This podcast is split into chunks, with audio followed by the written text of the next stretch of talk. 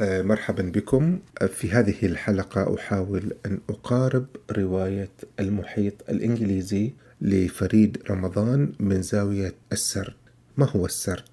السرد هو تحويل الوقائع سواء كانت حقيقية أو غير حقيقية تاريخية أو متخيلة تحويل هذه الوقائع إلى نسج محكم عبر تكوين حبكة تجمع كل هذه الوقائع في خيط سردي منسوج. يعني تماما كما نحن نقوم بنسج الخيوط المتفرقة وتكوين منها قطعة قماش جميلة. كذلك المبدع يقوم بنفس هذه العملية في الرواية وتتفاوت الروايات بحسب القدرة على هذا النسج أو هذا السرد. بدون شك أن فريد كان نساجا مبدعا روائيا ساردا مبدعا في تكوين هذه الحكايات المتناثرة. لدينا السفينة السفينة التي كانت تكاد أن تغرق في المحيط الهندي في عام 1886 ولدينا مجموعة العبيد الذين تم اختطافهم وأرادت هذه السفينة أن تبحر بهم ليساقوا للبيع.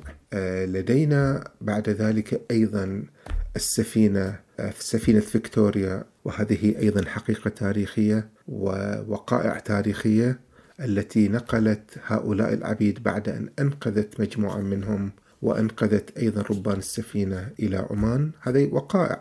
هناك في عمان تم إنشاء في الإرسالية إنشاء مدرسة سميت مدرسة العبيد. هذه أيضا وقائع تاريخية وموجودة صور لهؤلاء العبيد الذين كانوا هناك. ولكن هذه الوقائع التاريخية التي هي موجودة في الأرشيف البريطاني لم تتحول إلى عمل مبدع.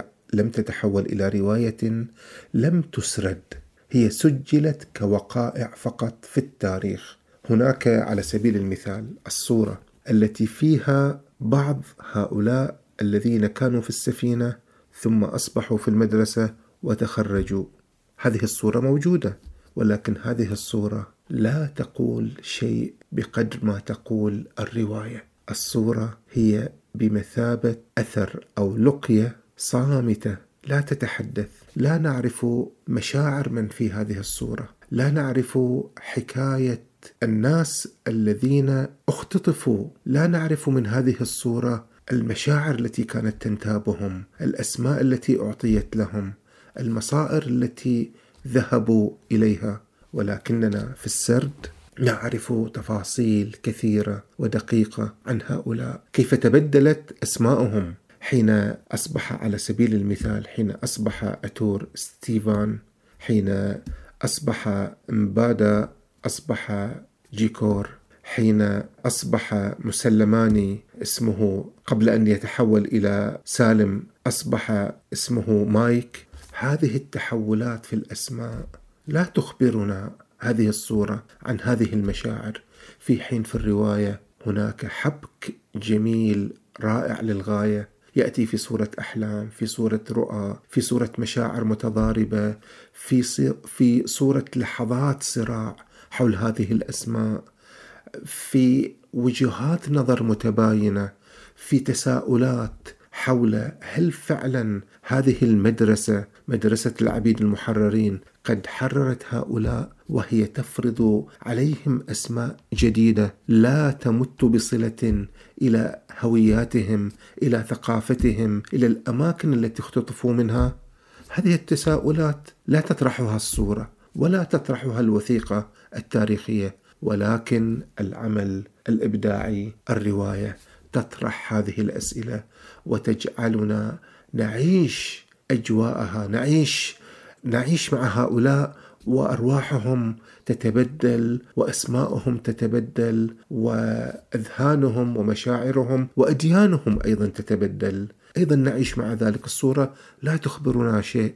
في حين الرواية تقول لنا عن هذه الصراعات كيف أن بعضهم ذهب إلى مكة ليكون ليسلم هناك وكيف أن بعضهم دعا ذهب إلى بومبي ليعيش مع لعنته وقصة الدابة. كيف أن بعضهم ذهب إلى البحرين وعاش قصة حب مع ممرضة بيضاء وكيف هذا الحب تحول إلى جحيم إذ أن الموقف العنصري الذي كان إلى البيض في ذلك الوقت لم يسمح لهذا الحب أن يتوج. كيف قضى هذا العاشق؟ كيف قضى في السجن؟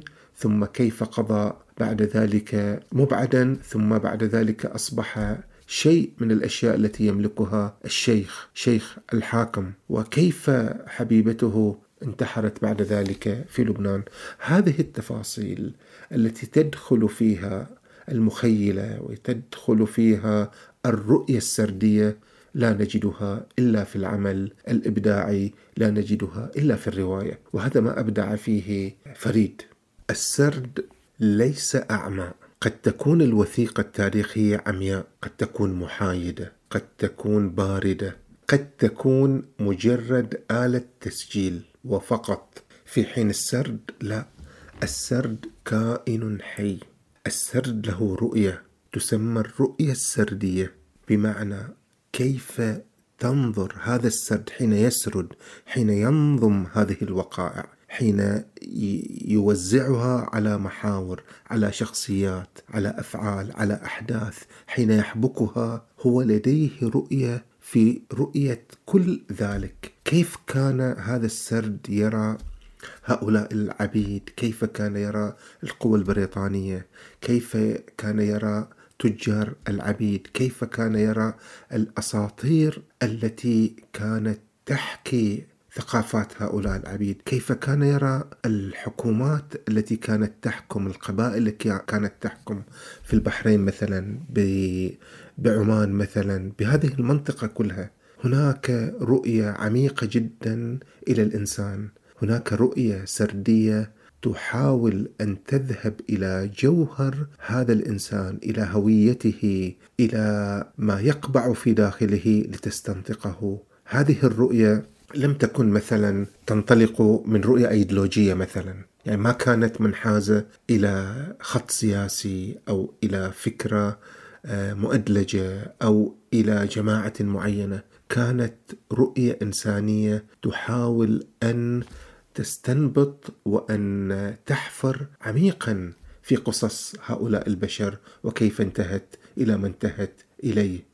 لم تكن تمجد مثلا هذه الرؤية القوى البريطانية والمستعمر البريطاني. المحيط هذا المحيط الإنجليزي نفسه الذي كان يسيطر على كان يحيط بكل هذه الموانئ والبحور والبشر ما كان ينظر إليه رؤية ضمن رؤية مثلا تمجيدية ولا ضمن رؤية أيضا تبخيسية ولا ضمن رؤية أيضا نضالية بطريقة مغلقة. كان يرى هذه البحور هذه المحيطات هذه القوى المستعمرة هذه السفن هؤلاء التجار آه، هؤلاء الحكام هؤلاء العبيد هذه الموانئ كان يراهم على أنهم كلهم بشر لديهم مصالحهم لديهم رؤاهم لديهم انحيازاتهم لديهم رغباتهم.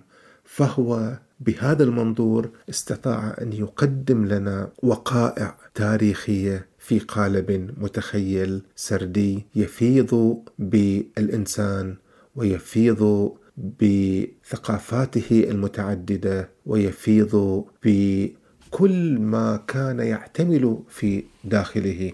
هكذا كان السرد في هذه الرواية يرى. في حين لو أنه مثلا انطلق هذا السرد من رؤية مقاومة المستعمر وأن هذا المستعمر أراد أن يستغل البشر وأن هناك قوى قاومت هذا المستعمر. ستكون أيضا الرؤية مختلفة. أنا لست ضد هذه الرؤية ولكن أقول أن المبدع حين يسيس سرده أو يؤدلج سرده فإنه بلا شك سيكون أعمى من جهة ما. ولكن فريد في هذه الرواية في الحقيقة آه، يعني ترك لرؤيته الإنسانية أن ترى بعمق أن ترى هذا الإنسان. كذلك نلاحظ أن هذا السرد في قدرته الاستنطاقية قد أنطق الحجر الحجر الذي هو السر الحجر الذي كانت اللعنة تلازمه.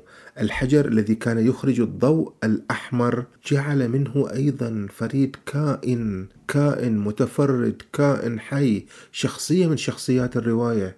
وهنا لابد أن ننتبه أن هذا السرد لم يكن سردا فانتازيا. يعني خي... يعني ما كان موغلا في الخيال لأجل الخيال فقط، يعني ما كانت الرواية لا نستطيع أن نقول إنها هي رواية فانتازية، هي رواية تاريخية، أنا أعتبرها رواية تاريخية. وضعت في قالب سردي إنساني. الحجر أيضا كان شخصية من الشخصيات. كان هذا الحجر يرافق هؤلاء البشر. كان يرافق اللعنات التي تصب عليهم. وهذه اللعنات لا لم تكن آه، لعنات تأتي فقط من الحجر. يبدو أحيانا كلعبة سردية إنها تأتي من الحجر لكن في الحقيقة هي لعنات من يملكون القوة. هي لعنات تأتي من تجار العبيد. هي لعنات تأتي من العصابات التي كانت تسرق البشر وتفرض عليهم هذه الأغلال. هي لعنات تأتي من صراعات البشر والحكام والناس في النفوذ والسيطرة. في البحرين مثلا حين اشتغل هذا الحجر ليأتي بلعنة حرق سوق المنامة. في الحقيقة نحن هناك كنا ندرك أيضا من جانب آخر أن هذه السوق احترقت انتقام إلى العبد يوسف الذي رأى أباه كيف كان يضرب وكيف كان يذل. عن طريق التاجر النجدي الحنبلي عبد العزيز لأنه طلق عبدة من غير الرجوع إلى سيده. سيده أجبره أن يتزوج بجوهر العبدة فهو حين طلقها استجابة إلى طلبها لم يرجع إلى سيده فنال هذا الجزاء. فهذا الابن ابن يوسف لما وجد هذا العذاب وهذه المهانة إلى أبيه كان ينفجر غيظا فحرق السوق ولكن في الرواية نجد أن هذا الحرق أيضا ارتبط بالحجر وبغضبه. لذلك الحجر كان يتحول أحيانا إلى إنسان. وحتى في الرواية يقول أن هذا الحجر قيل عنه أن لديه شهوة مثل شهوة الإنسان تتحول إلى عنف تتحول إلى توحش. وكان يقول أيضا أن هذا الحجر قيل أنه جاء من الجنة. وقيل أن في باطنه الرحمة وفي ظاهره العذاب إلى آخره. يعني هذا الحجر تحول بفعل السرد أيضا إلى كائن ناطق بأسرار الإنسان وبما يعتمل في الإنسان وبما يعتمل في هذه البيئة من أحداث ومصائب كبرى. اذا السرد الذي شاهدنا تعقيداته في هذه الرواية وشاهدنا حبكاته في هذه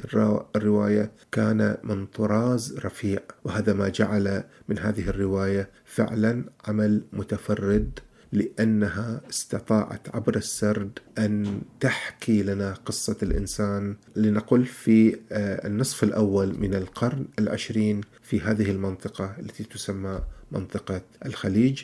في هذا المحيط الذي كان يسمى المحيط الهندي والذي سماه بفعل السرد وبالرؤية السردية المحيط الإنجليزي. وهذا التسمية هي إحدى تسميات السرد وهي تعبر عن رؤية السرد. كيف كان يرى هذا المحيط؟ يرى أنه محيط هذا المحيط كان محاطا بالقوى البريطانية فهي التي كانت تملك قوة الفعل فيه.